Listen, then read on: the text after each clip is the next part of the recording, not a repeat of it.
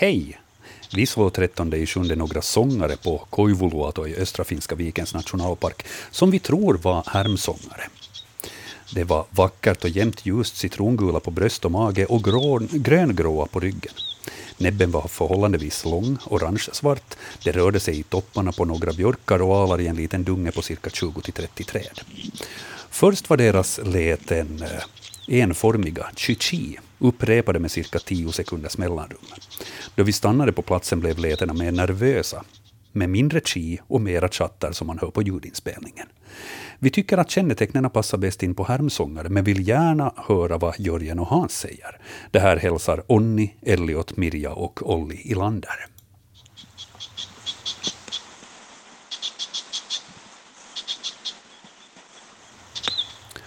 Vad säger vi om det här ljudet riktigt? Ska vi bolla över det till Jörgen? Ja, det är en mycket typisk härmsångare. Det är säkert den situationen att ungarna just har flugit ut ur boet och jag tror att det här tjatiga lätet är, är, deras läte och den här chifiu, det här klara lätet, så det är föräldrarnas kontaktläte. Mm. Ska lyssna lite till på det där.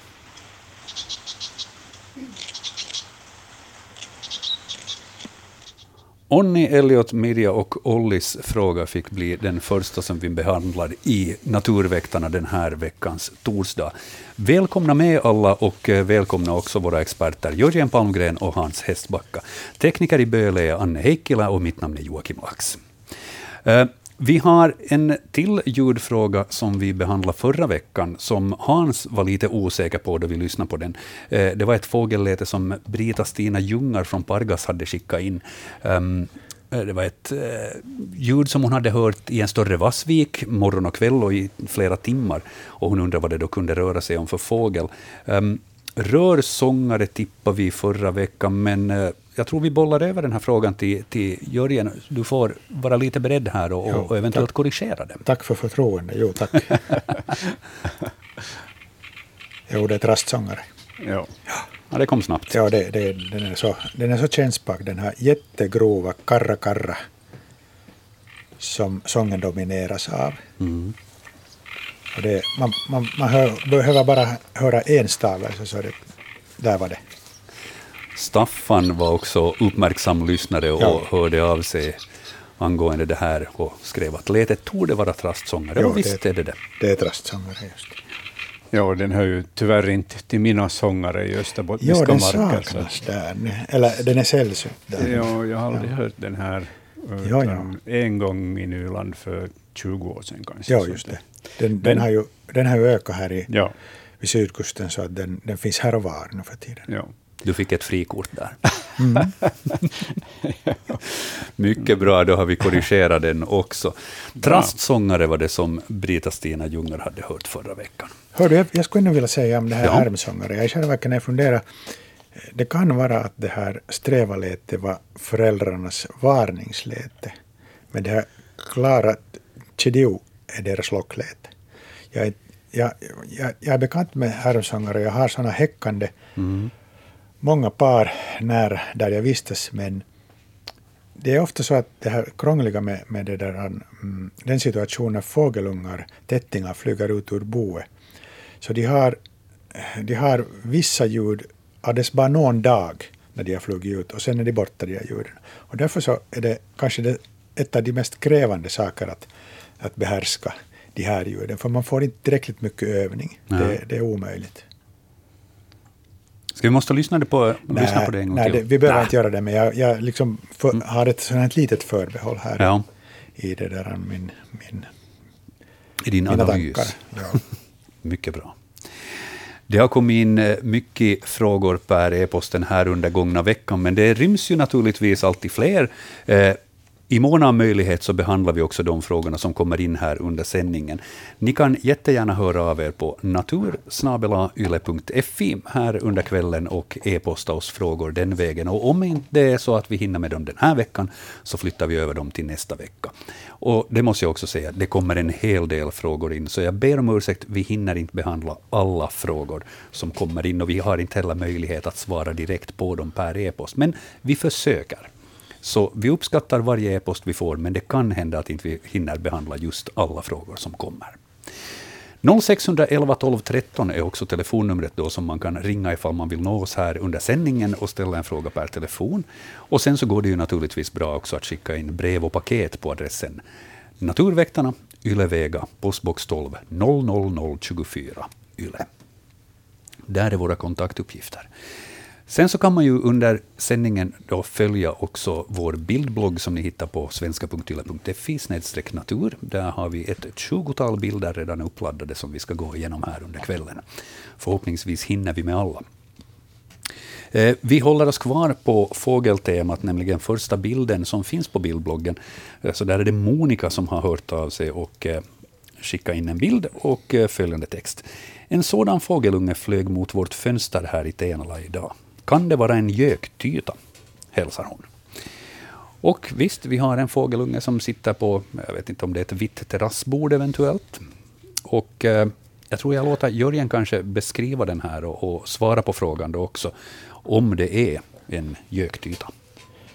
Ja, den är ju så där överlag så är den eh, gråbrun kanske helst och, och har eh, på stjärten till exempel mörkare tvärband och på vingovansidan ljusare prickar och lite ljusbrunt och lite mörkbrunt och har en, gu, en sån där brungul uh, haka med lite tvärband och, och det där, vad ska vi ännu säga, den är, nu vet jag hur stor den här är, den är som en liten trast. Mm. Men det där, så där allmänt taget så kan, skulle man kunna säga att den är, den är som en torr lövhög eller någonting sånt. Den hör till den här gruppen fåglar som, som har en ypperlig ypperlig skyddsfärg kamouflage. Ja. Och det är just en göktyta det är. Mycket riktigt. Det var så som Monica också hade tänkt. Den verkar ju ha repat sig ganska bra också, den här, trots att den flög mot ett fönster. Jag är lite osäker. Har den repat sig? No, kanske det. Kanske den, den har nog öppna ögon, men ja. vi ska hoppas att den repar sig. Ja. Har lyft på huvudet också, så att vi okay. får väl hoppas. Vi tror att det, den klarar sig. Vi tror det. Göktyta noterar vi där. Och den är ju sen då annars också en, annars en fågel som man ju just inte lägger märke till, utom då när den sjunger på våren. Mm. mm. Tu, tu, tu, tu. Och både hanen och honen sjunger på samma sätt. Och har man sen då den lycka att man får ha den, eller olycka kallar det en, eller också att man har den häckande i en fågelholk, så då kan man följa med de här hur, de, hur föräldrarna matar sina ungar. Men annars så blir den liksom den blir, os, den blir osynlig så att säga i fält. Ja. Göktyta, ska vi lyssna på den fram och tillbaka? Jag letar upp den här snabbt.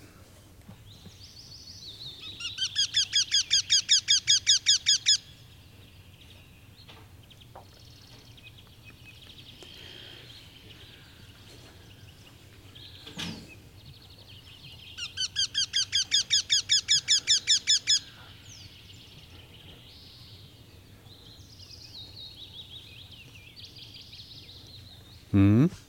Jo, det här kan man försöka minnas till nästa vår. Den, den har jag nog slutat sjunga för den här säsongen. Men, det där. men så där låter den? Så där låter den och de kommer på nytt sen igen. Ja, Precis. Det här är ju annars uh, den enda av våra hackspettsfåglar, den hör till hackspettarna, som flyttar. Ja. Till, flyttar ända ner till tropiska Afrika.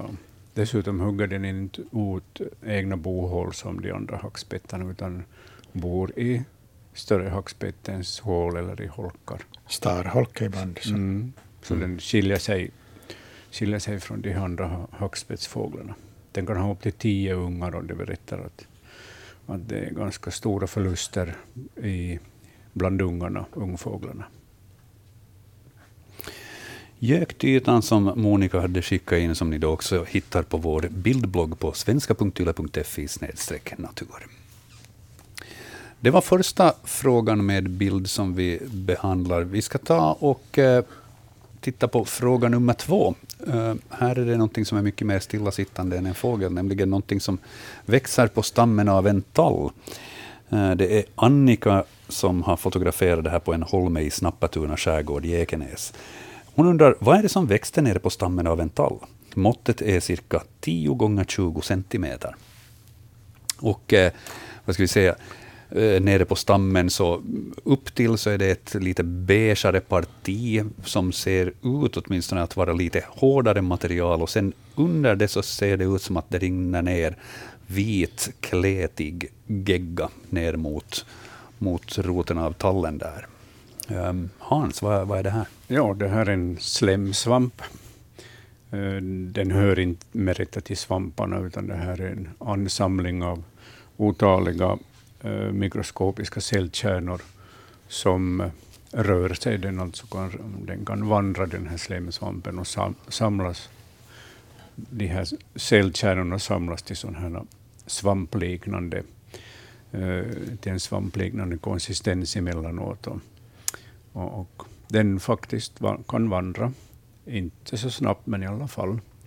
Och den kan lösa upp sig och, och sen kan de komma ihop igen, de här, de här cellkärnorna. Det är ett mellanting mellan uh, svamp och djur, kan man säga. Mer åt, åt det djuriska hållet nog. Mm. Och de äter bland annat bakterier och annat från ytor av olika slag. De helt enkelt in, uh, fångar in, in de här, den här födan i, i här vandrande, ett vandrande slem som löser upp de här bytesdjuren sedan. Det ska vara med väldigt stillasittande bytesdjur i så fall? Ja, det är ju mm, bakterier och annat som, som, de, som de äter. Och den här, de, sådana här slemsvampar har ju fått många olika folkliga namn. Trollsmör och vargspott och sånt.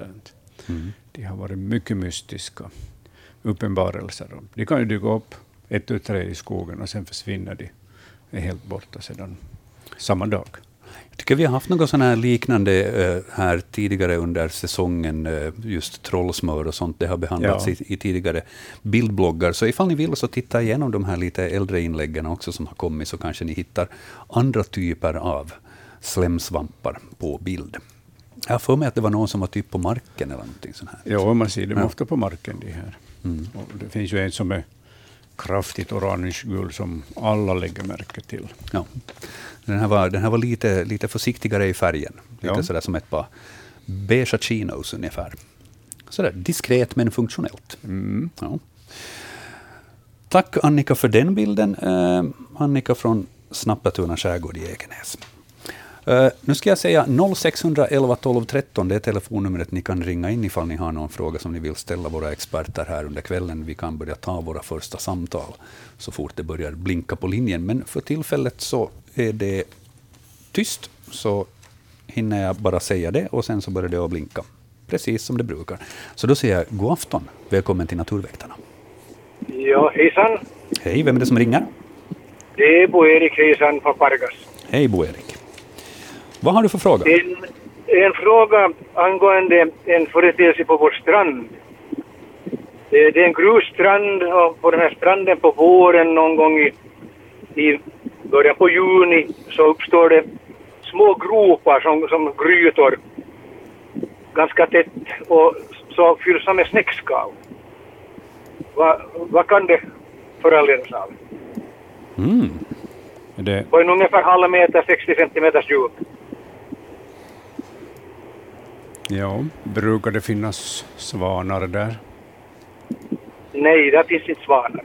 Ja. Och det är ungefär, det är, det är ungefär ja, det, de, är, de här groparna kan vara sådär 30 cent i diameter och djupa ungefär en 50-60 millimeter. Mm. Ganska grunda. Svanar var din första tanke, mm. Hans, men vad säger Jörgen? Har du någon tanke? Det på något sätt låter som samma släkt med den här frågan som vi hade för är det fyra veckor sedan, där vi hade gropar i sanden. Mm, men, ja. men där, där fanns inte alltså något skal, utan det var bara gropar i sanden. Ja. Och, och, jag tänker då här att det skulle kanske kunna vara när, när skalen är annan materia än sanden, att den på något sätt samlas och kommer fram i sådana här gropar. Ja, att de sköljs dit jo, eller någonting liknande. Ja. Det, det är såklart möjligt, ja. Ja, så, sådana tankar har jag nu mest. Men då var vi ju inne med de groparna, så var vi lite inne på att det nog eventuellt var svanar som har gjort Jo, de här groparna jo, när och de har sökt också- föda. Ja, det är också möjligt det här att det här är en kombination av, av olika naturfenomen i det här fallet. just det. Ja, vi, vi tänkte att det skulle vara en fiskar som leker där, men vi har inte sett något sådana, grejer. det finns bara en fiskart som gräver gro, lekgropar, alltså fiskart i havet. Och det är gösen, men den uh, leker på djupare vatten, så det kan inte, Ja. vara, det kan inte vara den. Inte. Och då återstår bara svan. Just det. Vi ser nog väldigt sällan, det finns nog svanar men de har inte varit i vår strand. Mm. Men det, det, det är en möjlighet. Ja, och de kan ju ha varit där på våren. Ja, Mm, stämmer. ja. Precis. Där, Okej. är, där är vår teori i varje fall. Så. Jag tackar. Tack ska du ha, Bo-Erik Heischenkväll. Tackar. Hej, hej. Tack, hej. Tack ja, det är nog säkert vågsvallet som har hämtat de här tomma skalorna dit. Ja, I sidan, om det är hemskt mycket vågsvall så kan man tänka sig nog att de helt blir igen fyllda, de här groparna. Småningom, ja. Ja. Mm. Ja, eh, intressant eh, observation av Bo-Erik. Bra fråga och eh, vi har ett eventuellt svar på det, så vi, vi nöjer oss med det. Eventuellt svan som har grävt dem där. Mycket bra. Följande fråga kan vi ta från bildbloggen då igen. Eh, Då är vi framme vid fråga nummer tre. Och eh, här är det eh, ett eh, ett fågelbo, eller någonting som ser ut som ett fågelbo, ska vi väl säga. Texten är så här. Hej! Jag hittade i blåbärsriset något som liknar ett fågelbo som faller ur ett träd. Jag tänkte jag skulle vända på det för att se insidan, men till min förvåning var det en boll utan öppning. Helt utan öppning. Däremot var det varmt och sa pip. Som en fågelunge lät det. Pip från en individ. Skräckslagen och förvånad la jag ner bollen med lite ont samvete. Ännu ondare samvete då jag kollat upp boet igen efter tre dygn. Bollen var lite svalare, men ännu kändes värme och det hördes fortfarande ett pip därifrån. Jag har inte sett någon fågel, fisk eller annat fe i närheten av boet och jag är outhärdligt nyfiken och förbryllad. Boet var inte på marken utan lite ovanför, uppburet av gräs och blåbärsris och hopvävt av typ hö. Vems bo är detta månntro och hur sköter föräldrarna matningen? Ja, det här är inget fågelbo, utan det är antingen dvärgmusens eller brandmusens bo. Eh, dvärgmusen är vår och också världens minsta mus, som gärna lever uppe i växtligheten. Bygger sitt bo ganska högt uppe i, i, i, på grässtrån, mellan grässtrån och till och med i, i spannmålsåkrar. Mm. Medan då den här brandmusen, så, så den är en, alltså och dvärgmusen är då allmänt förekommande i, i södra Finland. Medan brandmusen är en östlig art som har vandrat in och, och inte så vanlig alls. Den, kan, den finns här och där i södra Finland. Och den bygger också ett sånt här bo. Eh, ofta nere på marken som det här boet, eller inne i marken. Så helt säker på eh, vilken art det är, men trots att brandmusen är, är, den här ovanlig jämfört med, i jämförelse med dvärgmusen, så skulle jag hålla en hacka på brandmusen, för att dvärgmusen som bygger, tycker jag, ett, ett eh, konstfärdigare bo än det här. Ja. Men helt säker kan man ju inte vara. Konstfärdigare, du, ty, du tycker Ja. det här är lite sådär hipp som det är lite slarvigt det här boet, ja. men, men det här... Så antingen dvärgmus eller brandmus. Och, och det är förstås ungarna som piper inne i boet. Och, och eh, honan, hon är ju ute och äter ofta för att kunna då producera mjölk. Och då täpper hon till ingångshålet så att det är bara en rund sån här boll. Mm. Och, och när hon kommer tillbaka till boet så öppnar hon öppningen och kryper in. Borde det inte till och med finnas två, ofta två öppningar i de här boende? Men, men alltså oberoende av det så, så täcker den här... Ja. Oberoende så täpper Ja. hon till det. Ja. Ja. Så att inte fiender så lätt ska komma åt ungarna. Precis. Eh, Det står ju här att han inte sett fågel, fisk eller annat fe, men en mus Ja. det kan vara svår att se. Jo, de kilar ju iväg i växtligheten.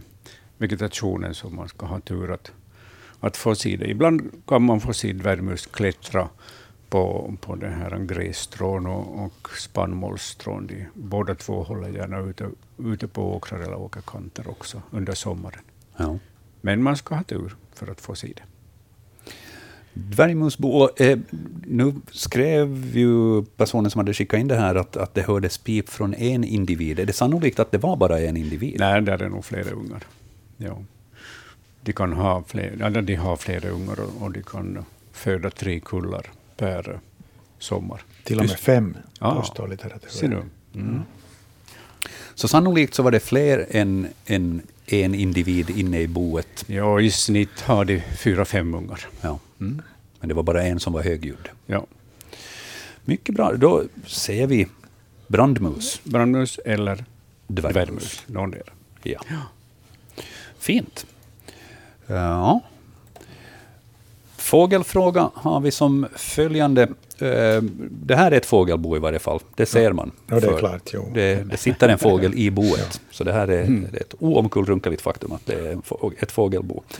Ehm, det är Anna som har skickat in den här bilden och eh, skriver kort och gott, eh, vi ska se, hon hade nog skrivit mer än så här. Ehm, hej, vad är det här för en fågel? Föräldrarna är mycket skygga och får aldrig syn på dem. Det fanns fem ägg, men bara ett kläcktes. Boet är helt öppet på en stege som hänger mot en vägg. Det här hälsar Anna, som sagt.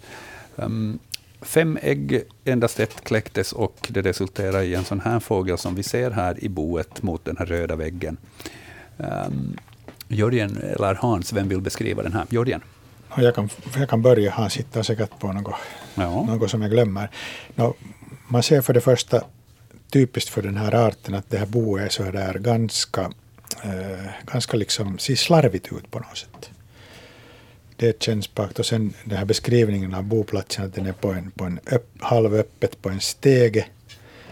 Och sen kännetecknen för den här ungen, den är, den är sådär medelbrun och har väldigt mycket ljusa fläckar, ganska bred näbb. Och, och det där, det är, den är ganska, själva tar inte så hemskt många dagar innan den ska flyga ut efter att det har fått och tagit kanske sådär fyra, fem dagar. Och det är en grå flugsnappare. Grå flugsnappare. Eh, är det ovanligt att endast en av fem så att säga kommer så här långt? Nå, nu är det, nu är det inte, inte det riktigt så som det borde vara, men sånt händer ibland. Sånt händer ibland. Det kan ju faktiskt vara att de andra äggen av- är Jo, obefruktade. det kan också Ja. hända. Ja. Är det också väldigt vanligt att föräldrarna är skygga, som Anna här skriver? Nå, de är nog egentligen inte skygga, men, men beteende är sånt att, att de liksom slinker undan. Att man, man det där, om man inte vet hur de uppför sig och vilka läten de har så blir den lätt onoterad. Eller liksom just det att man upplever att den här är väldigt skygg. Den är ju ganska oansenlig Ja. fågel och, och sitter nog i och för sig öppet. Men är man då ute med bara blotta ögon så kan det vara att man missar den. Ja, om man jämför den här med svartvita flugsnapparen Jo. som är livlig och kavat och sjunger hela tiden, Ja, så är just det. den Sjunger- grå verkligen Sjunger anspråk. tusentals gånger per, per dag just det. Ja. Ja. Grå flugsnappare noterar vi på Annas fråga. Är det väldigt så här öppet och oskyddat det här boet. Ja, Ja. det hör till. Det, det var det som var kännspakt och att det var lite slarvigt det här också. Också, det. Ja. Precis som det här musboet. ja. Sen ungens utseende är typisk grå flugsnappare med ganska sådana här stora ljusa, ljusare bruna fläckar i fjäderdräkten. Ja. Och bred näbbsar, det ser Ja, man riktigt klart och tydligt på ja. den här, den här bilden. Hon har kommit nära. Ja, Ungen uppför sig som föräldrarna vill. Att, att det där, ungen trycker där i boet när föräldrarna varnar i närheten och då, då kommer man ju nära. ja. Mycket bra. Då tackar vi Anna för den frågan och svaret tackar vi både Jörgen och Hans för. Um, vi har eh, följande bild på bildbloggen. Så eh, en eh, snok som eventuellt leker död, skriver Monica här. Ska se om jag hittar den hela texten. Eh, snok som leker död, upp och ner, uppblåst med munnen på vid gavel och stel. Hur länge kan den ligga och spela död? Kan det vara fråga om timmar, undrar hon. Eh, är det så att den här leker alltså död, den här snoken? Ja, den leker faktiskt död. Det är snokens sätt att, att lura sina fiender.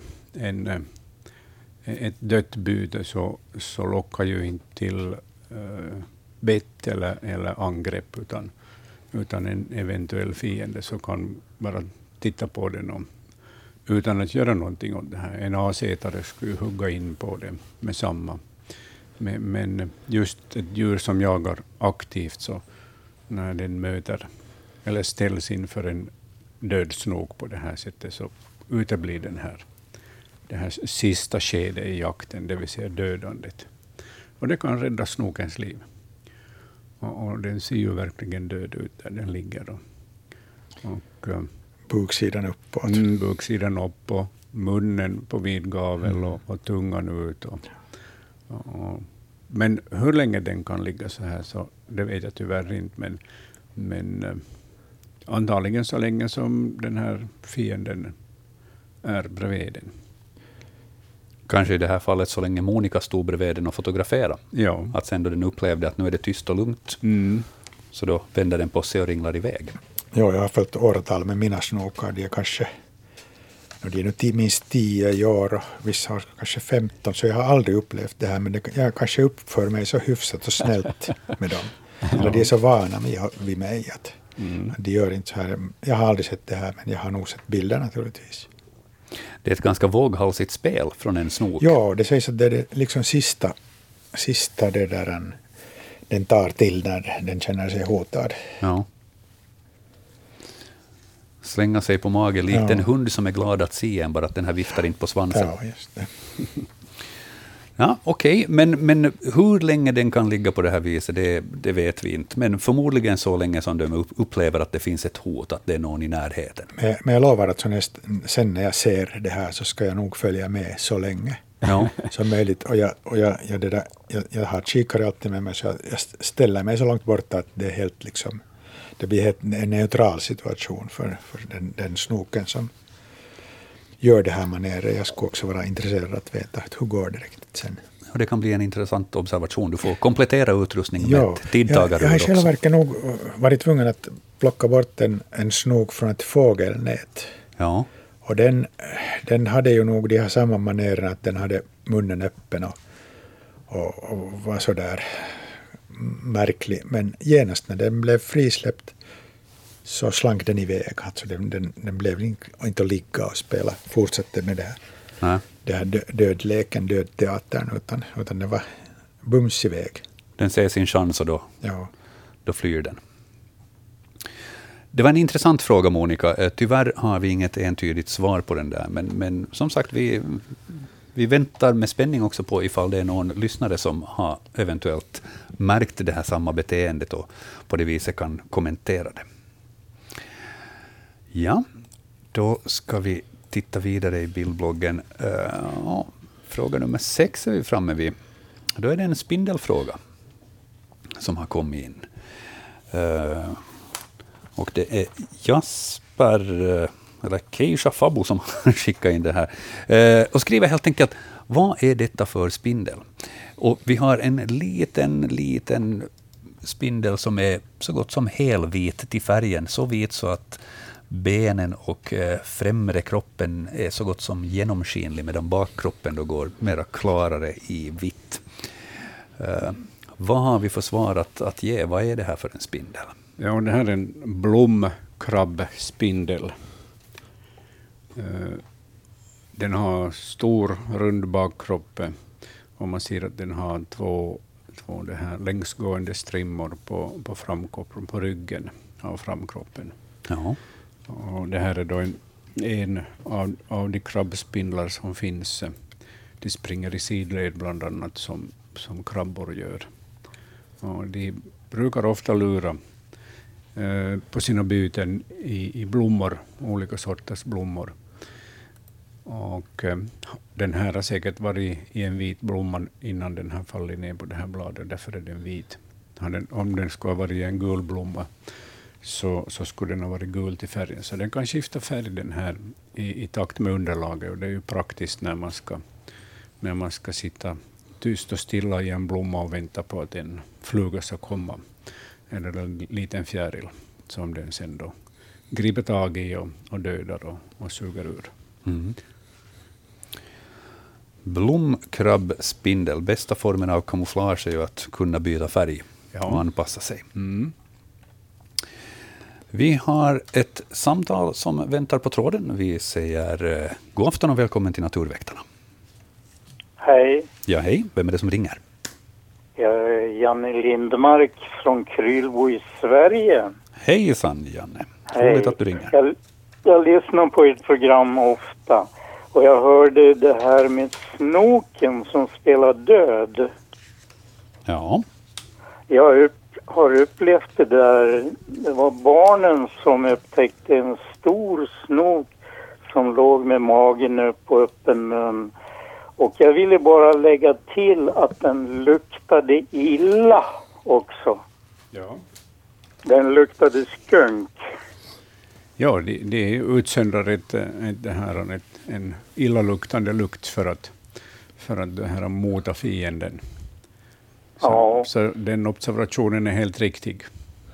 Ja. Hur länge var den här snoken livlös som du såg på? Ja, det var... Um, ja, det är svårt att säga. Det här var länge sedan, men uh, det var kanske fem minuter.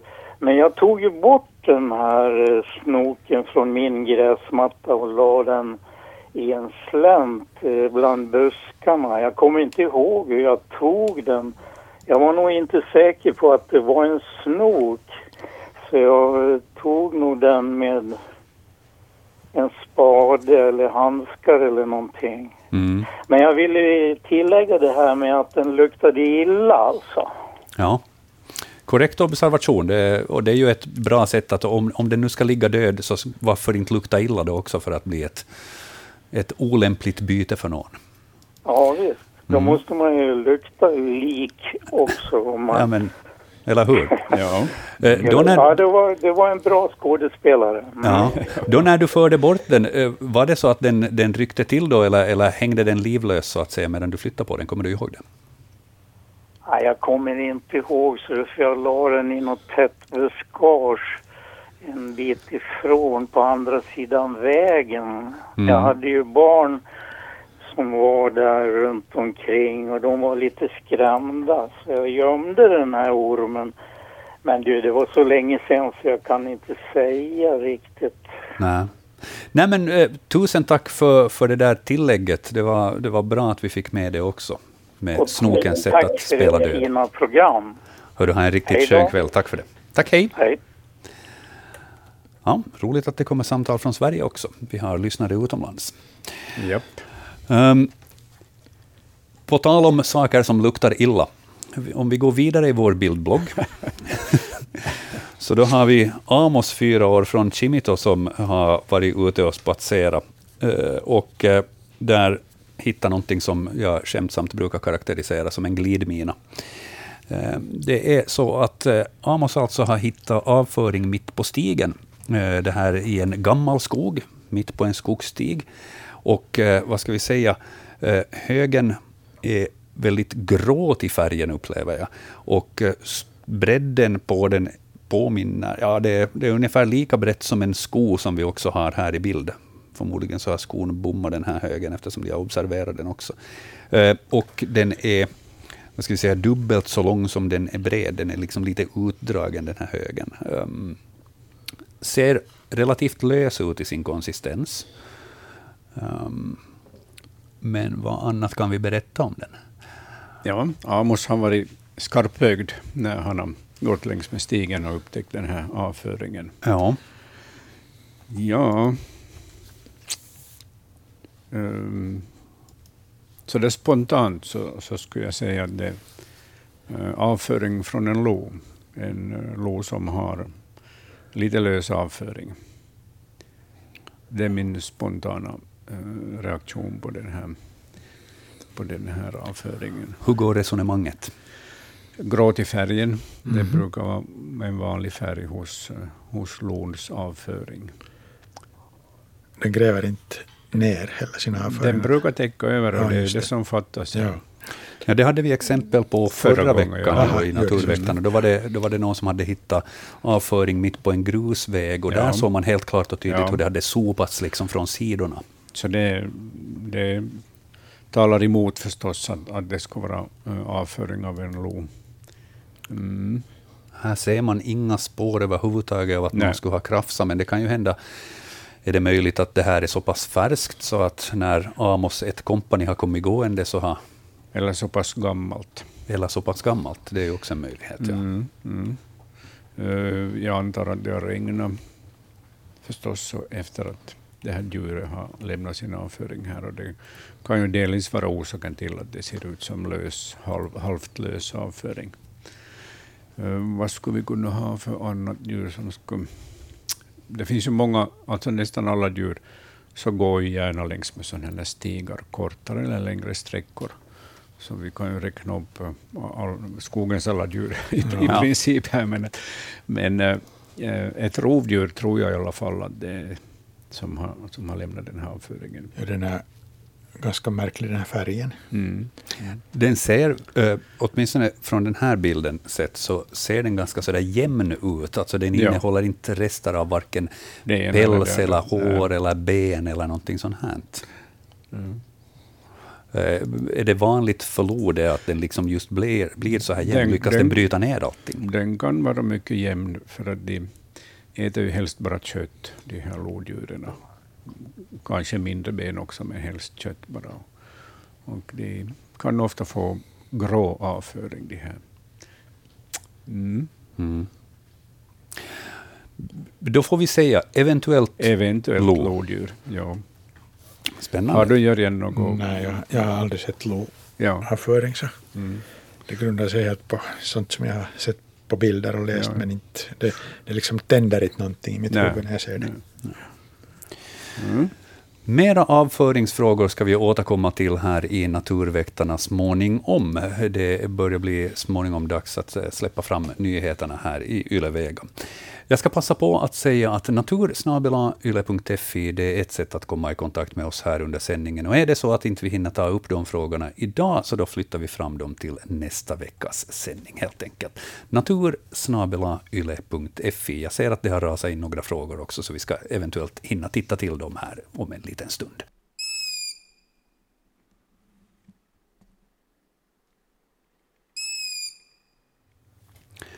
Förra veckan fick vi ett samtal om en hornuggla som vi misstänkte att det var med ungar i snappertorna. Men den här saken blev lite på hälft. Vi har nu fått in en film med den här ugglan eh, och eh, den filmades 14 i 7 23.30 på kvällen. Samt en bild som är kanske lite grynig för det var så svagt ljus, men man kan urskilja väl att det finns en uggla där på bilden.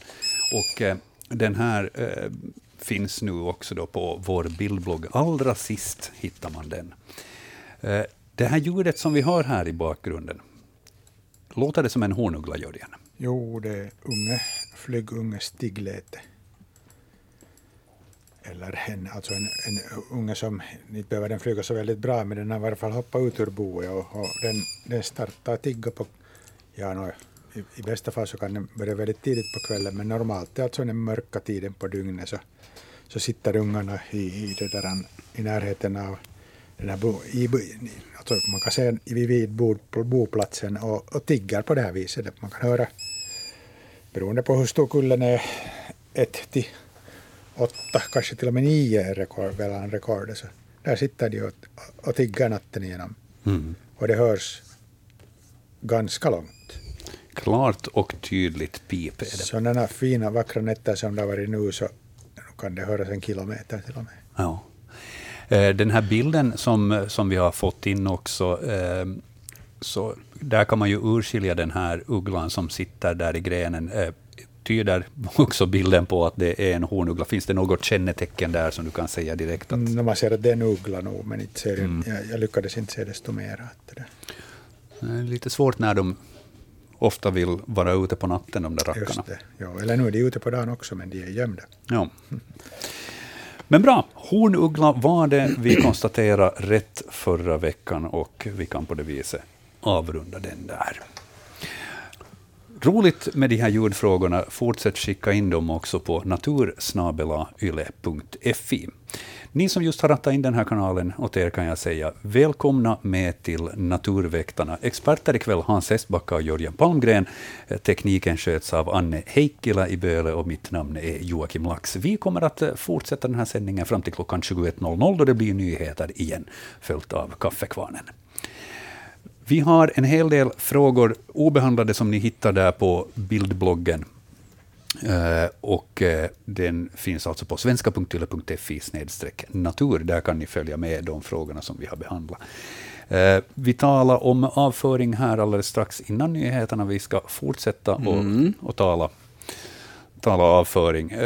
här är det en bild som är fotograferad på Härskär i Borgå där det fanns många dylika högar. Det finns en lite längre text i den också. Jag tänkte jag ska läsa upp den här e-posten, för den kan eventuellt ge lite fingervisningar till, till vad det här kan vara för någonting. Um, gäller att plocka fram rätt text bara. Sådär. Hej! Vi var i svampskogen och så kom vi till ett ställe vid en igenväxt åker där det fanns mycket av sådana här kackahögar utspridda på ett område, cirka 20 meter. Det luktade inte gott där fanns också en mossapott på cirka tre meter och där såg det ut som att man skulle ha spelat kärrfotboll. På området fanns torra, kullfallna träd som ligger kors och tvärs och holmen är ganska långt från fastlandet. Kan det vara mård? Det här hälsar Britt-Marie från Härskär i Borgå skärgård. Ska vi börja i den ändan? Kan det vara mård? Uh, ja, det är förstås tänkbart det kan vara mord. Den finns också ute i skärgården. Mm. Fast, men, ja. men avföringen passar inte in. Ja, jag tänker samma. Ja. Här på bilden så kan vi säga att den här avföringen är väldigt, väldigt mörk i färgen. Ja, den Svart, är blåsvart, blå. blåsvart och, och, och jämn. Riktiga korvar. Ganska jämn, ja. Just det. Ja. Ovanligt jämn. Ja. Som, som eh, för att få lite så här, vad ska vi säga, jämförelse, så att man kan bedöma storleken och sånt, så finns här en, en, ett stift med läppfett bredvid. Eh, och eh, från den så kan man väl få då, vad ska vi säga, uppskattningsvis att de är 5-6 centimeter långa de här mm. längsta kanske. Mm. Ja. ja, det här det är en blåsvart avföring, den luktar. Och sen är den här lilla mossaplätten uppgrävd. Eh, jag kommer att tänka på björn. Att björnen har haft eh, ett byte nedgrävt i, i mossan. De, de brukar täcka över dem, de här byten mellan, mellan måltiderna. Färgen passar in på, på björnen. Det finns ju också mindre björnar med mindre avföring. Mm. Det behöver inte alltid vara en stor björn som är i farten. Nej. Och, och de simmar bra, så det är ju inga problem för björnen att flytta från holme till holme. Det är mitt förslag. Mm. Och just den här uppgrävda mossen så, så tyder nog på att, att där kan ligga ett, ett, eller resten av ett byte nedgrävt. Och det här att det är högar på ett så här 20 meter ja, stort område? Ja, på många område. ställen. Det är alltså ett djur som har varit på plats kanske en vecka mm. och, och ätit och, och uträtta sina behov lite här som där. Så eventuellt så är det en björn som har varit där i svampskogen? Ja, eventuellt är det en björn som har varit där. Har du, björn, har du Jörgen, några jag funderingar? jag har nog sett björnar före, men jag tycker att det inte såg inte riktigt ut så här. Mm. Men, det, där, men mm. det, där, det är intressant. Du har nog många intressanta argument här just att det fanns på olika håll och, och det, där, det finns också små björnar och, och så vidare. Mm. Ja. Och det här just att det är lite sådär uppgrävt och, och, och, och så här på den här mossplätten. Ja, alltså björnen gräver ju gärna ner, mm. täcker över sitt byte mellan måltiderna och, och om den har slagit byte på den här mossaplätten, alltså på en liten öppen plats, så är det naturligt att han grävt ner den där. Men vad skulle det kunna vara annat? Jag, tänk, jag tänkte genast när jag såg den här, det är ju fyra eller fem korvar som man ser Mm. på bilden. Den här som är mest till höger, så den innehåller ju något annat material. Ja. Är det här bär eller? Jag börjar genast tänka på mårdhund då, men det, det, det här att, att de finns utspridda så det talar inte riktigt. Nej, Det nej. inte och, för ja, jag har aldrig sett att mårdhunden skulle ha sån här färg på sin avföring. Nej, men jag tänkte sen då att, att den, har, den har ätit liksom en längre tid samma Ja. Mm. föda och då Mm. kan det bli så här. Och Precis. Den här eh, korta korven här till höger, så där har den fått in lite bär med i, Mm. i, i den där menyn och så, så kommer bärskalorna ut på det här viset. Det, ja, det skulle, naturligtvis om man skulle se alla de här avföringshögarna så skulle man naturligtvis bli Mm. mycket klokare, men vi har Mm. inte möjlighet till det inte. Nej. Mm. Ja, alltså, vi kan ju inte utesluta att det kan vara mårdhund, men i så fall ett mycket märkligt beteende nog. Mm. Lite, ja, li, inte riktigt det vanliga inte. Nej. Den här blåsvarta färgen på, på avföringen, vad, vad tyder det på att, att födan har varit? Kött. Ja. Mm. Ja, Mm, det, Eller blåbär, ja, kan det göra det så här visst, blåsvart? jo, blåbär kan, men det beror på när är det fotograferat. Ah, just det. Eh, det framkommer inte, men det torde ju ha varit ganska nyligen. Mm. Ja. Mm, ja, blåbär ger sån här Ja, färg. det, I varje fall här Ja. vid sydkusten så ser det ut att bli ett bra blåbärsår. Mm. Hur är det där i Österbotten? Men fläckvis så blir det nog Okej, bara med blåbär. Ja, Ja, blåbär och kråkbär ger den här ja just det. färgen. men kråkbären är inte mogna ännu, så där, de är inte aktuella ännu. Mm. Och mårdhunden äter ju mycket. Det gör också reven, de äter också Mm. mycket bär. Ja, men revens avföring är lite annorlunda än det här. Mm. Ja, den är annorlunda formad. Ja. Och just det här med den här mossaplätten där det ser ut som att man har spelat kärrfotis kanske Mm. inte fungerar med reven då. Nej, ja, om det har varit en riktigt livlig revkull som har massat på där, men jag tror inte det. Inte. Mm. Knepigt. Det det är knepigt ja, och intressant. Mm. Ja, jag håller fortfarande en hacka på en liten björn. Ja. Eller sen björnhona med ungar. Så, um, fjolårsungar. Så, så, Precis, ifall det har funnits lite större, av grövre kaliber så att säga, Mm. avföring där i närheten så kan det då... ja. Det är, helt säkra kan vi inte vara. Inte. Nej. Det skulle vara otroligt intressant att se den här platsen med tanke på beskrivningen. Ja. Om uh, Britt-Marie vid Härskär i Borgå har möjlighet att besöka den här platsen igen och kanske ta lite kompletterande bilder, Mm, varför ja. inte? Ja, Ha lite extra ljud då du kommer dit så vet man ju. ja de är borta säkert, de här djuren. Ja. Eh, Sen en vecka, två veckor sen, beroende lite på. Precis. I alla fall eh, så smyger ju alltid björnarna undan när man kommer gående. Så Ja. Men, men gärna kompletterande bilder ifall det är Mm. möjligt, ja, ja, säger vi helt enkelt. ja. Då ska vi säga god afton och välkommen till Naturväktarna till följande samtal. Vem är det som ringer? Tack, det är Mona Karp från Vasa. Hej Mona. Hej, jag, jag, jag har ju syskon i södra Finland, Borgå och, och, och Pargas. Och de har bett mig fråga samma sak som, som mina barn i Umeå Ja. fråga om. Och det gäller nötkråkan. Häckade just någon, någon nötkråka här i, i, i Finland och mera och, och, och här i Vasatrakten och så vidare. Ja, ja nöt, nötkråkan finns häckande. Det finns ett, ett bestånd i Vasa tack vare de här planterade sembratallarna. Jaha, Och i många andra städer. Och i många andra städer också. Där det finns planterade sembratallar, där finns det lokala bestånd av nötkråkor. Ja men det var intressant att veta, det har jag inte vetat. Ja, till exempel i Umeå finns det också ett bestånd av nötkråkor tack, vare sembratallarna där.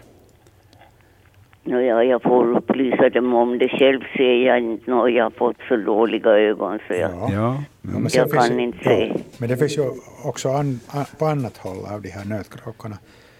Eh, här i sydvästra Finland där vi har buskar. Så Ja. här finns den sydvästliga underarten av nötkråka. Man räknar ofta med att den här som utnyttjar sämretallare är en sibirisk, men här i sydvästra Finland så finns den, den andra underarten, den europeiska underarten. Ja, just så. Det, Men de, de är svåra att se om man inte har riktigt exakta uppgifter om var de finns och hur de, hur de uppför sig. ja, ja, det var ju det. Ja. Men, men hur långt upp går de här? i- Nå, det här sydvästliga så går upp ungefär, ja det är nog bara här i sydväst. Mm. Eh, man tittar på, det finns en sån, sånt verk som Suomen lintuatlas, så där finns det sen nog utspridda över, över det där stora delar av särskilt västra Finland av de här observerade häckningar. Det finns till exempel mellan Björneborg och Tammerfors ganska många, men jag tror att, jag tror att det inte är den sydvästliga. Jag är inte riktigt bombsäker, men alltså de som finns i Nyland och i, i egentliga Finland och Åland, så det hör till den här sydvästliga nötkråkan. Mhm. Ja, men det var intressant att veta, Mm. tycker jag. Tack Mona för frågan. Nu får du informera vidare i släkten helt enkelt. Jo, jag får göra det. Läget är med Släkt och nötkråka. bekanta. Bra. Tack för Jo. samtalet. Ha en riktigt skön kväll. Ja, tack, tack detsamma. Tack. Hej då. Mm, hej. Det här är ett intressant fenomen hur två olika nötkråkor kan specialisera sig på olika frön. Ja. Den ena på hassel och den andra på semberfrön. Ja, visst. Och också fascinerande den precision med vilka de här östliga nötkråkorna hittar de här sembra och andra motsvarande tallars bestånd. Det är alldeles märkligt. Ja, de har en otroligt god syn Ja. och, och har ju förstås den här bilden framför sig. Sök, sökbilden. är- Sökbilden. Ja, den är. Ja, den är perfekt. Ja, det var en intressant fråga som Mona ringde in om. 0611 12 13 är telefonnumret ifall ni vill ringa in och ställa en fråga till våra experter här i Naturväktarna. Men vi ska gå vidare i bildbloggen framåt och tillbaka. Vi har Rainer som har skickat in en rätt rolig bild på eh, ekorrungar som har kommit ut ur radhusholken i Larsmo skärgård. Eh, sex stycken skriver han att det som kom ut därifrån. Här på bilden ser vi fyra av dem, tre stycken ovanpå eh, fågelholken, och, eh, eller radhusholken, och eh, en som tittar fram där i hålet. Hur, hur många brukar det vara så här i en, i en ekorrunge kull? Ja, det här är ganska normalt, fyra ungar. Mm. Och uh, nyfikna på livet är de, och mm, det är inte många av de här som når vuxen ålder. Också bland ekorrarna så är förlusterna bland de här ungarna ganska stora. Beroende på vad det finns för fiender i, i närheten. Vilka är ekorrarnas eh, största fiender? Eh, Duvhök och uh, mård, Mm. de två. Det är både, på, både i luften och på land. Ja. Som de har sina fiender. Ja. Eh, Tack Rainer för den bilden, den var rolig att se på. Eh, Vi ska gå vidare i bildbloggen här till, till ett lite mindre kryp, men som färgmässigt går nästan likadant. Eh, Det är Marina i Tenala som märkte massor av dessa skalbaggar vid sitt äppelträd. Och hon undrar helt enkelt att mm, kan de här göra skada? Vad är det för någonting? Och, och, och hur, hur ska man i så fall skydda sina äppelträd? Hon skriver här att en kväll sent, ungefär tio tiden märkte jag att det surrade och flög en massa insekter i äppelträdet. Jag gick ut och såg en massa skalbaggar svärma i det. Nu undrar jag då alltså, vilken insekt är det fråga om och kan den göra skada på äppelträdet? Eller någon annan växt i trädgården för den delen. Um, hur ska vi beskriva den här? Ljusbrunt i färgen. Ja, mm, ljusbrunt i färgen och, och sen har den små vinklade antenner. Uh, ljusa strimmor, längsgående strimmor på täckvingarna. Och sen är den eh, relativt hårig eh, på framkroppen och också ja, nästan på hela kroppen så har den lite hår. Ja, bilden är lite småsuddig kanske för att jag har förstorat den, men om man tittar Mm, noga så mm. ser man att det är hår längs med hela kanten och förmodligen också upp till på Ja, själva skyddsvingarna. Jo, jag är lite osäker på arten, men jag tror att det här är en, en pingborre, alltså en släkting till ollonborren, som har svärmat i trädgården eller i, i, i området som där trädgården har ingått. Och, och det här, de här larverna av den här uh, skalbaggen som lever på rötter av olika slag, precis som ollonborrens larver också gör det. Mm. Uh, det är förstås bra att Anders ser på den här bilden nästa vecka också och kollar upp om det är helt korrekt. Mm. Men eventuellt en pingborre där? Eventuellt en pingborre, ja. Och en av många skalbaggar som vi har i, i, hos oss och som gärna svärmar. Och, och de här svärmande skalbaggarna brukar, precis som svärmande uh, myror, locka till sig mängder med skrattmåsar och fiskmåsar som plockar dem i luften i sådana här härliga dansande vingsvep mm. eh, vid skogsbryn och ovanför ängar. I det här fallet så hade alltså Marina sett det här då vid sitt äppelträd. Eh, behöver hon vara orolig för sitt själva äppelträd? Nej, det tror jag inte. Och inte för några andra växter heller. Rötter sa du, men... Mm, men det är ju då larverna, det beror på var honorna sen lägger sina ägg. Ja. I större skaror så kan de förstås beta av, av växtligheten, de här vuxna, men, men jag tror inte att man behöver vara rädd för det mm. i det här fallet. Ja. Då säger vi att eventuellt så är det här alltså en pingborre, men vi kan be Anders titta på ja. den här bilden också till nästa mm. vecka, så får vi det bekräftat. Eller omkullkastat. Eller omkullkastat. ja. Hörni, mm. vi har en växt här som följande bild i vår bildblogg. Uh, Teresa har skickat in den här bilden. Hon undrar, kan det här vara svartklint? Den är 103 centimeter hög. Den har inte börjat blomma ännu. Den växer utanför hennes veranda på en holme utanför Dalsbruk.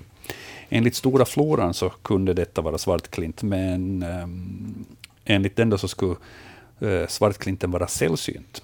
Hon har själv aldrig stött på den tidigare och uh, undrar då, vad säger våra experter? Jörgen, känner du igen den här? Är det, jag, känner det den, jag känner den dåligt. Så att jag kan nog inte liksom varken bekräfta eller, eller skjuta i sank det här. Att jag, för att jag skulle kunna säga eller liksom använda då information för bestämning så skulle jag tro att jag skulle behöva en blommande individ. Ja, ja jag har samma åsikt också. Men det kan vara att vår, vår det där växtexpert Anders klarar av det ändå. Jag mm. tror att han klarar det. Mm. Eftersom de här frågorna är så nära varandra som den ja. där förra med skalbaggen ja. också, så sätter vi den i samma paket åt honom till nästa vecka helt enkelt. Ja, men titta på den. skicka gärna in en bild på när den blommar i alla fall. Mm. Det kan vara intressant att se. Utan vidare, speciellt också ifall den är sällsynt, enligt eh, den stora mm. floran. Så kan det vara intressant att få en bild på den. Jo. Så Teresa, om du hör det här, skicka gärna in en bild när den har slagit ut. Skicka den då på natursnabelayle.fi. Vi tar den där vidare till Anders. Um, finns kanske en viss risk att följande uh, fråga också blir en Anders-fråga. Det börjar bli ett mönster här, inser jag. Men det råkar nu bara bli så att vi mm. hade tre stycken frågor på raken som är typiska för honom. Um, här är det Viveka som har uh, fotograferat någonting uh, som är smått och vitt, små vita växter. Hon undrar, är det här svampar och i så fall, vad är det för svampar? Storleken kan man på något vis jämföra här med, med blåbärsbladen intill. Och då, mm. utgående från det så kan man ju säga att de här är verkligen små och många till antalet. Små vita svampar som lever på, på den här multnande förnan, där svamparna står för en stor del av den här förmultningsprocessen nedbrytningsprocessen. Mm. Vilken art det är, så, så det kan jag inte säga, men, men en svamp är det. Vi tar också den här frågan med till nästa vecka, tror jag. Mm. Ja, mycket bra. Vi kollar telefonen fram och tillbaka. Vi säger eh, god afton och välkommen till Naturväktarna. Vem är det som ringer? Det är Lorentz Brunsberg här från Kivimo Hoskär. Hej Lorentz. Hej. Jo, jag hade för tre veckor sedan iakttagit ett par svart och vit flugsnappare som lekte mellan två träd. De flög ungefär 10 meter mellan träden, flög av och an och hade ett otroligt sång, sångmusik för sig. Och, och plötsligt så, så kom det en, en svart liten fågel och nappade den ena i luften. Jag såg den och den flög otroligt snabbt mellan träden till borta sen därifrån. Jag funderar, vem var det som nappade den? Svart liten fågel, sa du. Ja, det var en sån här typ falk. Ja. Den en nappade en, en av de här små fåglarna i luften. Och de, Ja. Var den svart både på ovansidan och undersidan? Men det var svårt att se Ja. för det, det var ungefär på 20-15 meters Ja, avstånd. men ja, just det. Den ena blev sittande på grenen och sjöng Ja. ensam en stund, så slutade Ja. den sen. Just det. Jag misstänker lärkfalk. Så jag funderar, vad var det för Lärkfalk.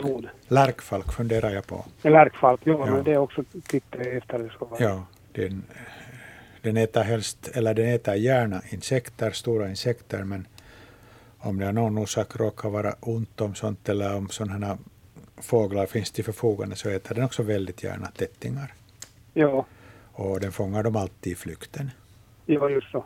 Jag såg inte att det skulle ha haft någon under sig, men det, Ja, den for nog iväg med den. För. ja. Men hur snabbt den kom flyga sen mellan stammarna är- här och försvinna. Den, den är väldigt snabb Ja. och skarpsynt. En annan, en annan fråga. Jag har eh, padda eller groda som är nog många år. År bor här under en stenflisa. Den kommer alltid på våren och så bor den under stenflisan och badar i ett litet kärl som jag har med vatten i. Och sen då blir det tätt så försvinner den. Och senare på hösten kommer den igen tillbaka. På samma ställe. att Det är intressant att följa med. På natten så kommer den bort från stenen och så kryper den i det där vattenbadet. Sitter några timmar så far den och jagar och kommer tillbaka. Ja, det låter som en pad, padda. Jo, den var padda, den var Ja. stor. Ja. Ja. Hur länge lever en sån här padda ungefär? Oh. Den kan leva länge. Tiotals år i, i bästa fall. Ja, så det, det är ungefär tre till fyra år sedan han var upptärd. Då, då kommer du att ha sällskap där länge, Om, Ja, den, det, om den klarar sig. Alltså. om den klarar sig. ja, ja. Jag hoppas det. Ja. Det är trevligt. Mm. är härligt att följa med det. Det var här lilla som jag hade att prata om. Vet du, det var inte så litet, det var intressanta frågor. Det var roligt att du hade sett lärkfalken. Så att vi Ja. tackar för den frågan och önskar dig en skön kväll. Tack, tack. Tack ska du ha. Tack, hej. Vi har ett till samtal på tråden som vi kan passa på och haka på där. Vi säger god afton och välkommen till Naturväktarna. Ja, det här är Petra Hamström Hej. och det som jag ringer om det är, hände redan faktiskt i slutet av 80-talet. Då var jag på ön Hög, ähm, Haverö som är där i Åbo skärgård Ja. och då var det så att jag var ensam en stund på en sommarstuga där på Haverö och så, det var på kvällen ganska, när det var skymning och så hörde jag ett sånt här knä, mm, som det skulle ha varit en klocka som skulle ha tickat. Jag började fundera, varifrån kommer det där? Och eh, det var utomhus alltså. Så närmade jag mig försiktigt det där ljudet så märkte jag att det kommer från en eh, sprutkanna som stod där på terrassen. Och så kikade jag in i den, den var tom. Utom att där var en fladdermus. Och jag har nog förstått att fladdermössens ljud är så höga att vi människor inte kan höra dem. Men det här var alltså ett sådant tickande ljud som den hade. Jag har aldrig läst någonstans om att fladdermöss har något sådant ljud, men varför tickade den? Vill Jörgen eller Hans svara på den här? Ja. Eh, jag vet att de har nog ljud som vi människor kan höra. Men, men de flesta ljud som, som fladdermössen eh, frambringar så hör vi inte därför att de är så högtonade. Mm. Men det finns enstaka ljud som man kan höra. Man, Ja. Jag har tittat på en videoupptagning från eh, fladdermuskolonin som finns på Strömsö. Ja. Där, där de gör TV-programmet, så där i uthuset på övre våningen så finns det en fladdermuskoloni som, som är med i forskning, så att därför så filmas den hela tiden. Och eh, de har ett väldigt... mm, De, de har ga- ganska ofta ett knattrande ljud, som är mer ett sånt här socialt ljud, Ja. när de är många som samlas där. Så, så de har nog ljud, som också vi kan höra, men inte det här som de använder då för att lokalisera byten eller liksom skapa sig Ja. en bild av var, hur omgivningen ser ut. Men, men nog ett sånt här, liksom, jag vet inte hur jag ska beskriva det, men Smackande. ungefär. Ja, just det. Ja. Men Så- det här var liksom, det här var väldigt, det, eller det var just, det var ganska långt tyst emellan, eller så att det, det lät som en tickande klocka. Ja. Var det väldigt taktfast? Det var nog alldeles, skulle jag säga, samma takt hela tiden. Mm. Men det var nog, men att när jag såg att, att den här stackars fladdermusen var där på botten och där var då lyckligtvis inte något vatten. Så det som jag gjorde var att, att jag förstås då bar iväg med den här sprutkannan och tog i pipen och vände den upp och ner. Ja. eh, en sådär kanske ett par meter från, från marken. Och då så damp den ut därifrån och, och flög iväg. Precis. Ja, men, eh, intressant observation. Och eh, som sagt, ljud, det kan de ha. Ja. Jag tror att Jo, men jag funderar liksom att om det här just tickande ljudet, om det skulle ha varit någon sorts varningslete eller någon, på något Nö- sätt att, den var då i, i knipa Ja, eller just, något, ja. den typen. Men det ingen som vet. Eller kan, kan fladdermuset mössens språk? Ja, nej, men jag skulle tippa på att det är ett socialt kontaktläte det där. Ja. Eventuellt så är det här en grej som, som vi kan kolla upp här under veckan och kontakta till exempel Niklas Fritzén som brukar Ja. vara med i Naturväktarna ibland, som är eh, väldigt kunnig då det gäller fladdermöss. Så Ja. kan vi kolla ifall han har någon tanke kring det här. Mm. Tack Det Petra för ditt samtal. Intressant. Det var, det, det var intressant att mycket. höra. Tack. Ha en skön kväll. Hej. Hej. Vi får, vi får bolla den frågan vidare och, och, och se. Men som sagt, fladdermöss, visst, de kan ha ljud som vi människor hör. Alla gånger. Ja, eh, vi ska ta en fråga här annars som har kommit in här ganska nyligen. Det är Rickard som skickade in en fråga angående alger. Och helt enkelt, han undrar var, varför finns det alger i vattnet? Det, det talas ju eh, nu och då om de här blågröna algerna som i sig inte då är alger, utan de har då fått ett annat namn. Men alger finns i vattnet. Varför? Vad kan vi ge för svar åt, åt Rickard? Ja, det är mm, evolutionen som har skapat dem. Och, och de hör ju till de grundläggande Eh, fotosyntetiserande växterna. Producerar, eh, fångar solens energi och, och eh, producerar materia och samtidigt syre. Algerna i, i, i världshaven så är ju en, en stor syreproducent det är en av de livsformer som, som finns i vatten och en av de grundläggande livsformerna. För utan de här algerna i vattnet så skulle inte alla andra organismer klara sig heller. Mm. Rickard undrar här också eh, en annan fråga som vi kan också behandla alldeles kort. Eh, varför har rosen taggar? Det är för att inte bli uppäten helt enkelt. Taggarna skyddar mot betande djur. Annars skulle nog rosorna bli uppätna. De är så pass välsmakande. På samma sätt som brännässlor och liknande så Ja. finns det växter som har olika försvarsmekanismer och rosens taggar är ett exempel. Ja. Mycket bra. Då har vi svarat på de frågorna. Så ska vi titta på, på vad vi har som nästa här i bildbloggen. Nu kommer vi till ett litet kryp som ser bekant ut. Jag har på känn att vi har besvarat den här frågan tidigare här under Naturväktarna. Men här är alltså Rafu som har hittat ett kryp som var i kläm mellan Bastuveden. Eh, platsen var Vässölandet i Borgåskären. Och han undrar helt enkelt vad är det här för kryp? Storleken den fås från tändstickan som han har satt bredvid dit och sen fotograferar den här. Och eh, eh, krypet, insekten, skalbaggen, eh, så är väldigt mörk i färgen och skiftar i blått. Och jag har ju på känn att det här är då det som lätt för oss fram till vad det är för en krabat. Ja, det här är en skalbagge som heter blåjon.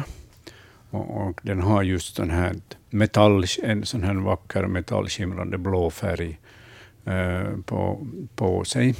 Och, och sen dessutom är det här, eh, hela kroppen, men framförallt täckvingarna, så är punkterade med små gropar som ger ett, ett fint mönster åt, åt de här täckvingarna. Eh, här syns en av låren, det vänstra låret. Och, och, man ser att det är ett kraftigt, kraftigt lår och det är typiskt för, för eh, blåjonen att ha sådana här bodybuildarlår. Eh, den eh, lever bland annat i våra hus ifall vi har obarkat eller halvbarkat byggnadsvirke i huset. Vi brukar ju ofta använda sånt när vi lagar vindar, kallvindar och sånt där. Så länge det finns eh, det här eh, materialet mellan, mellan eh, barken och trädet så det, som har varit det levande och som är det näringsrikande, så, så har man det här blåjonet där det, larverna äter och det här, det här tunna material, näringsrika materialet. Sen när allt är uppätet så finns det inga blåjon mera. Men det här är en skalbagge som många lägger märke till och, och den är inte uh, farlig för träkonstruktionerna eftersom eftersom den inte lever av själva virke. Och den finns givetvis i naturen också, eftersom den lever på, på det här tunna skiktet mellan barken och, och trädet. Så, men det ska vara dött virke. Mm.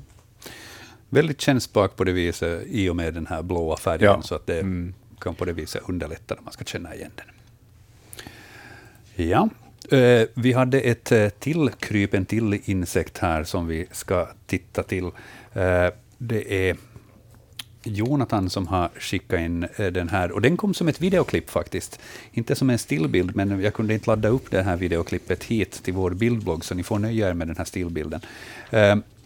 Han skriver här att den här insekten som kom emot längs grusvägen då han och hans fru var ute på promenad, 5 eh, till 7 centimeter lång och eh, han undrar helt enkelt vad tror vi att det här är för något. Om jag ska beskriva det här videoklippet eh, då den här krabaten kom emot, så om den då är 5 till 7 centimeter lång, då är den rätt så stor ändå. Som en tändsticksask. Ja, mm. och den kom emot och hade huvudet nere och för vad ska vi säga, nästan varje steg som den tog så lyfte den upp huvudet en aning. Och så tog den nästa steg och lyfte upp huvudet en aning. Väldigt avlångt i formen. Um, och så, ja, inte vet jag, skrämmande ut. Det, det, var den ju inte, men, men den såg rätt rolig ut när den kom gående. Ja, skulle den vara en meter lång så skulle den vara mycket skrämmande. Men att, Väldigt skrämmande. Ja. Men i det här fallet... Men fem centimeter klarar vi av. Ja, det gör mm. vi. Men vad, vad är det här för en, för en rackare? Eh, jag tror att det är en jordlöparlarv, alltså en skalbaggslarv. Eh, som jordlöparna är ju, är ju de här blå svartglänsande skalbaggarna som löper fram över marken och jagar bytesdjur av olika slag. Och också den här larven är ute i samma ärende. Den har sådana kraftiga käkar med vassa taggar som den fångar sina byten. Jag ser gärna att, att Anders tar sig en titt på det här och, mm. och, och så får vi det bekräftat och framförallt artbestämningen. Men jag tror att det är en jordlöparlarv. Ja. En otroligt fin videoupptagning. Ja, den var, den var rolig och speciellt det, det lilla ropet som kom på slutet. Den kommer rakt mot oss. Så var mm. lite rolig. Men nåja. Uh, vi har fler uh, krabater som nu är lite flygande, men vi, vi kan vänta med dem och så kan vi ta och titta till telefonen, för här blinkar det på alla linjer. Så vi säger god afton och välkommen till Naturväktarna. God afton, god afton. Det här är från Bobäck i Kyrkslätt. Hejsan. Och jag heter Valborg. Hej, och jag Valborg. undrar om, jag har svanar här i viken och nu har en, de hade fem ungar och, och så kom min väninna hit och så tittade jag och sa nu kommer de. Nå herre så ett, tu, tre så var det sju adopterar de eller månne det kanske var någon annan som kom, men det, det, det styrde kosan precis hit till stranden där de brukar, brukar sitta och putsa sig och så här. Så jag, jag, jag blev alldeles perplex, man förstod ju ingenting och de var precis lika stora och så här. Att, adopterar de någon, någon andra eller kunde det ha varit kanske någon annan? Jag, jag misstänker utan vidare att det är en, det är en annan kull.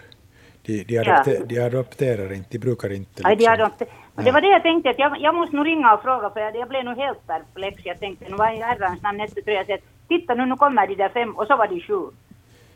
Jo, jag skulle nog säga att om du sa att de var precis lika stora som, som den där kullen, kullen med fem, så det har igen att göra med att, att knölsvanarna häckar vanligtvis väldigt samtidigt. Alltså grannparen ja, har, har, har ruvning ungefär samtidigt och kläckar ungefär samtidigt. Det kan vara vanligtvis bara några dagars skillnad mellan, mellan de olika paren.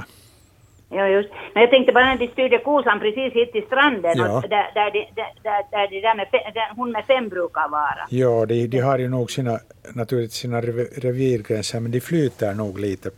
Att det, ja, det, liksom, det, är inte så, det är inte alltid så, så väldigt, väldigt skarpt med de där gränserna. Men, så men, jag tänkte att herre jösses då, att vad i fridens namn att jag var så stolt över mina som hade fem och ett ja. som, så var det sju. Men kan du, kan att, du inte räkna med att också de, de, som, har, de som är sju är dina?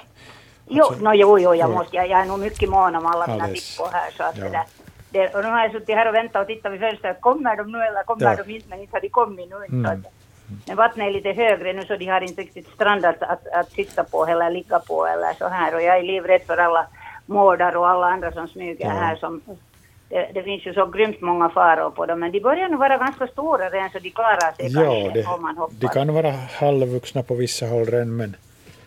Ja. Eller okej, okay, de kan, jo, de, en, en månad gamla minst. Inte de halvvuxna ja, ännu. Ja, no, de, den här, de här är nog ganska stora. Ja. Det, det, finns ju andra fåglar som, som nog adopterar äh, ungar, det, småskrakar ja. och sånt här.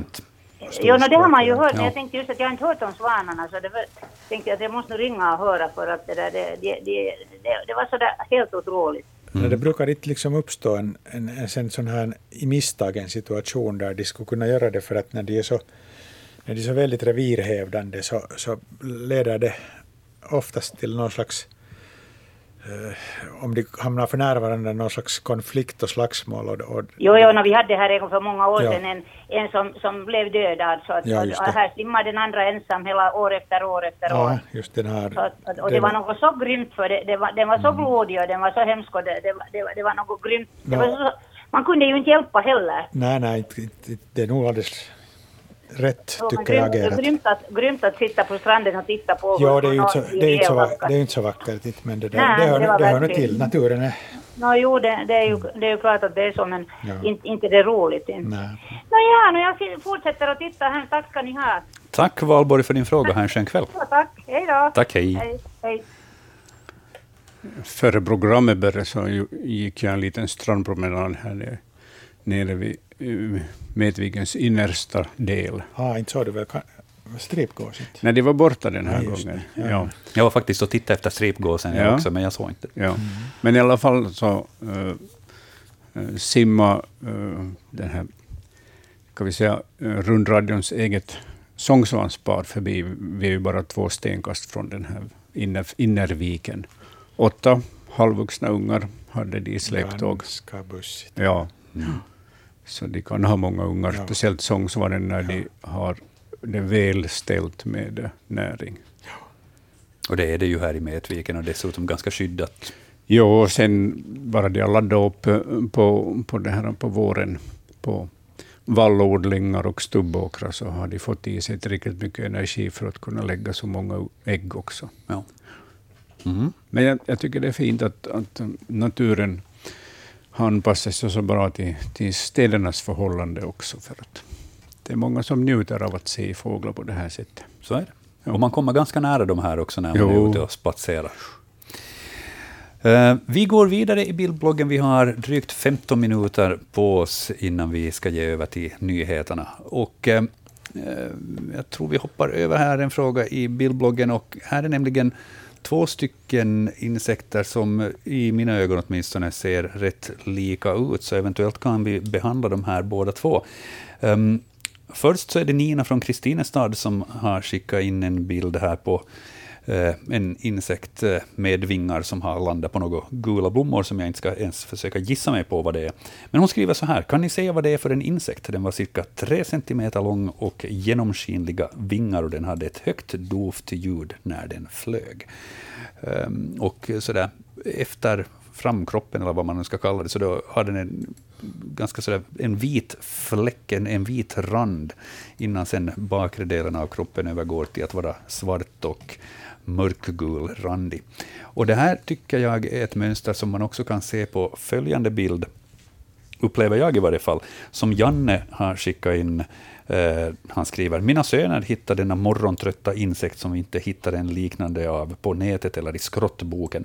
En stekel av något slag är det första han tänkte på. Ja. Eh, för det första, om vi först behandlar det här, är det här samma insekt? Det är samma art, jo. Ja. Den, ja, den senare är lite mörkare. Ja, den har inte liksom de här, vad ska vi säga, mörkgula Inte så tydliga i varje fall. Inte. Ja. Sen beror det på också uh, fotograferings, eller ljuset under fotograferingstillfället, men, men jag skulle säga att det är samma art av, av klubbhornstekel. En, en stor stekel som man ganska ofta lägger märke till eftersom den är så pass stor och har ett, ett mycket välhörbart flykt, flyktläte. Det här som Nina var inne på ja, i sin det här surrande läte, ja. Och, och de här sprötena, känselsprötena som de har, så de slutar just i sådana här klubbformade spetsar. Så klubbhornstekel, eh, exakt vilken art så kan jag inte säga, men en klubbhornstekel är det. Ja. Mycket bra. Eh, då kan vi skriva det i vår bildblogg, för det kan jag berätta att jag uppdaterar den här bildbloggen sen med alla de korrekta svaren, eller det som vi har kommit fram till i varje fall under sändningen, så skriver jag in hit i bildbloggen under varje bild, så kan man gå tillbaka sen senare och kolla ifall det var någonting man blev osäker på. Följande bild i bildbloggen, så då, då är det fåglar, då är det lite större flygande saker. Um, här är det Charlotta som hälsar från Ekenäs yttre skärgård, hon skriver så här. Hej, när vi rensar fisk och måsarna kommer för att äta så finns det med en brunfläckig skrattmås. Har det något pigmentfel eller vad kan det månne vara? Undrar Charlotta. Och om man tittar på den här bilden med då ett eh, tiotal fiskmåsar, så i mitten av bilden så ser man att där sitter en skrattmås med i den här samlingen. Och fram till på bröstet så är den vad ska vi säga, lite mer brunspräcklig. Och här fanns en till bild också på e-posten som jag då inte har laddat upp på, på bildbloggen, men där man har fångat den här skrattmåsen på bild och då ser man att det är lite sådana här små bruna fläckar också fram till på, på vingarna. Är det här en pigmentförändring eller vad handlar det om? Jag tror nog att den har klottat sig på något sätt. För så här brukar, borde det inte sådana som har pig, pigmentfärg borde inte se ut så här. Mm. Att den skulle ha varit och ätit någonting som har lämnat spår, rester? Nej, utan varit ja. och, och, det där böka i någonting som har färgat fjäderdräkten. Ja. Här är ju en rent vit skratt, alltså vitbukig skrattmås här längst till höger på bilden också. Ja, titta där. Jag var, så, jag var för koncentrerad på mitten av bilden, jo, så den, jo, den gick mig förbi. Så den har helt enkelt alltså eventuellt varit ner i, kan det vara någon av de här vattenpölarna här runt omkring som no, har tillräckligt mycket färg i sig? Knappast, utan det måste vara något annat. Mm. Nu berättar inte, det berättas här inte att, att har den sett länge ut så där eller? Uh, eller fanns det där? I? Nej, det förekommer inte ja. i den texten som ja. jag har framför mig. Men, men det tyder inte alltså på någon form av pigmentförändring, utan det, det här är alltså... Det, utan det borde vara, jag tolkar det så att det, den har varit och fått färg på sig någonstans. Precis. Och det där man kan, när man tittar på den här fågeln, jag, jag, jag ser inte tillräckligt bra här att jag skulle kunna avgöra det, men, men om, om det här mm, färgen är liksom på något sätt fläckig och inte riktigt symmetriskt på hela fågeln, så då kan man utan vidare utgå ifrån att den, den har klottat sig. Men om det är alldeles symmetriskt så att det finns också på vingarna och, och där är samma fjädrar som har, har de samma färger, så då kan man nog dra slutsatsen att det kunde vara något, något färgförändring i fjäderdräkten. Mm. Eh, en, en, fråga som lite anknyter till det här med fiskmåsar och, och när man rensar fisk och sånt. Vi fick in alldeles just en e-post här. Eh, Helena skickade Undrar varför när man rensar fisk och fiskmåsarna dyker upp för att äta resterna, varför ropar de på alla andra fiskmåsar? De skulle ju få mer om de höll det som en hemlighet. Är det bara liksom... Man kan, ja, man kan resonera på många sätt här, just att det, det är alldeles sant att det där kan vara ett, ett argument. Men eh, de här måsarna och trutarna så är, är anpassade till att utnyttja äh, snabbt uppkommande energikällor. Ja. Och, och fiskrens är ju ett sånt här att det finns mycket mat. Eh, fiskstim är ett annat, det finns mycket mat. Eh, så har de ju sen då anpassat sig, de här måsarna och trutarna, också till avstjälpningsplatser, soptippar där det plötsligt finns mycket mat. Och de kan då på någon minut så äta hela dagens föda. Så de, har, de, de ser glupska ut när de slukar i sig leverlåda till exempel som kommer i, i, det där, i stora mängder samtidigt till av, av sig avstjälpningsplatsen. Mm. Ja. Det sker inte så mycket mer än som förr i tiden, men det där, det, det där. till exempel Tammerfors, dit Saarionens fabrik, aj, men man fick inte nämna några produkter. Här. Ja, men det gjorde vi väl inte. Nej, jo, så, eh, livsmedelsfabriken i närheten så, så kom med eh, sådana förskämda eller på annat sätt misslyckade produkt, produkt det där, äh, lass dit och, mm. och trutarna var väldigt nöjda och glada. Ja. Men nu, nu är det ju den här, äh, de behandlas mycket mera omsorgsfullt nu för tiden så de går igenom en bioavfallsprocess och, och det, är, det, finns inte lika mycket tillgängligt mera och det är ju, det är ju liksom rätt, mm. rätt utveckling i och för sig. Just. Men för måsarna och trutarna så är det en fördel att man meddelar åt artfränderna att här finns mycket mat. Mm. Då vet de alla gånger när någon annan meddelar att det lönar sig att flyga dit och äta. Man, ja, man kan tänka också så här alldeles naturliga, naturliga eller mer eller mindre naturliga processer. Vi tänker på till exempel, det regnar och det kommer väldigt mycket daggmaskar upp på åkrarna. Jo.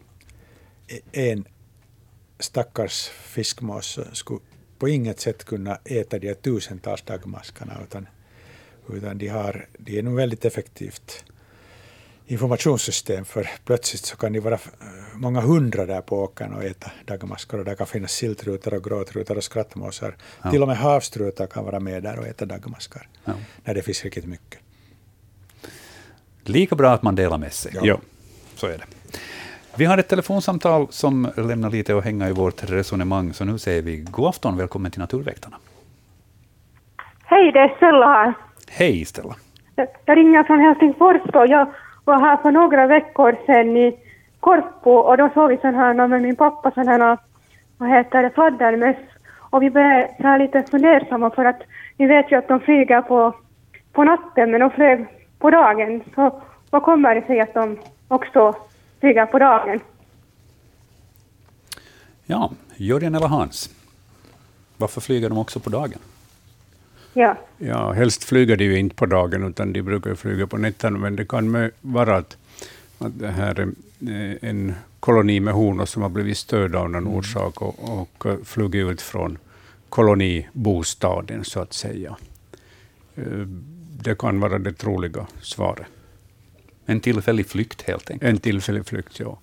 För att eh, de undviker ju nog dagsljus för att undvika bland annat lärkfalk och sparvhök. Till exempel, just det. Ja. ja. Så det där, det. det där tog det vara svar på din fråga. Okej, men, men tack för svaret. Mm. tack för frågan. Ha en riktigt skön kväll, Stella. Jo, tack Bra. Tack. Hej. Hej. Ja. Då ska vi titta vidare i bildbloggen. Vi har eh, en fråga här som vi ska hinna med också. Vi har ja, drygt fem minuter, så vi hinner. Eh, här är det Agneta som har skickat in en bild på en liten krabat. Och jag ska bläddra fram texten också hon har skrivit.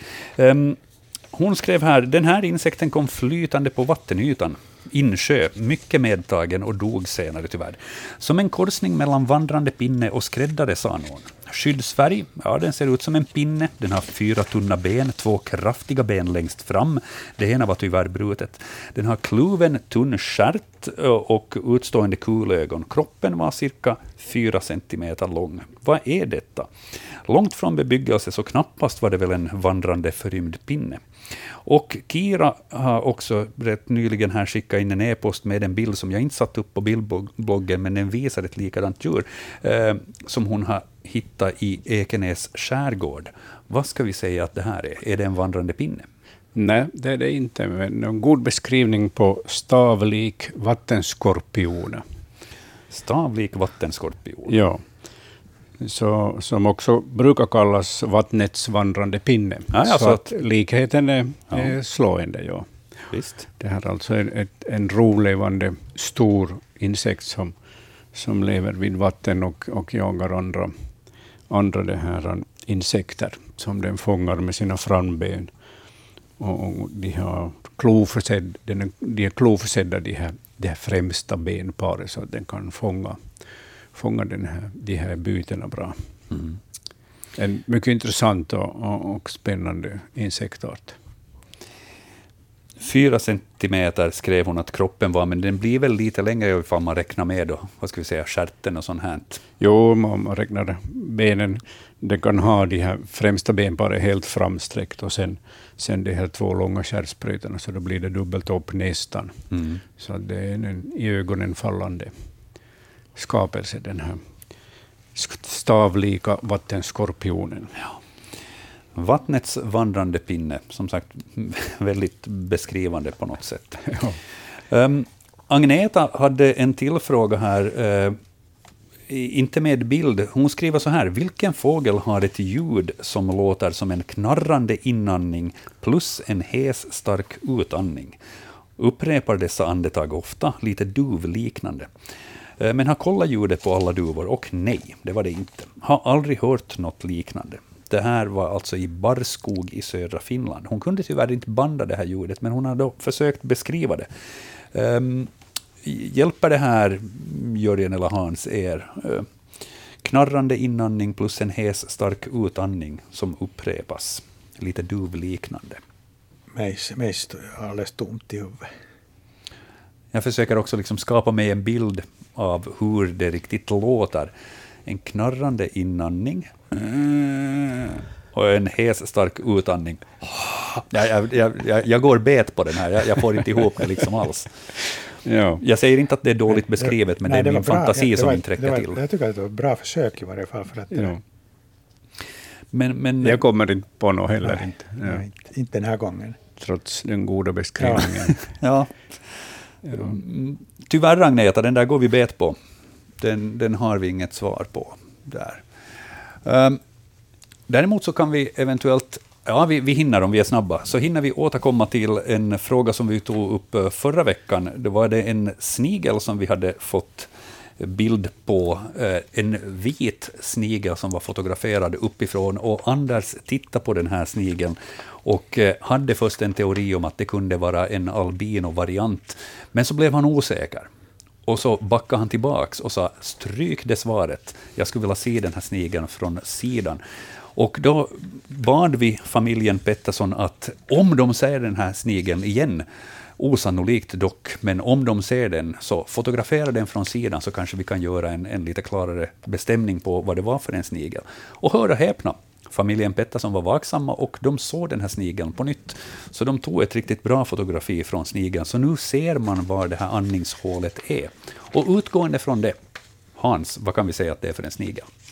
Ja, det ska vara alltså den här gråsvarta kölsnigeln, men ett vitt exemplar, albinoexemplar. Så då hade Anders alltså rätt ja. i sin första gissning, men så blev han osäker? Han ville se det här andningshålets placering och nu är det klart. Nu är det klart. Han ja. fick se den och vi ska skicka bilden till honom också. Han får titta på den nästa vecka. Det ser spännande ut. Mm, verkligen.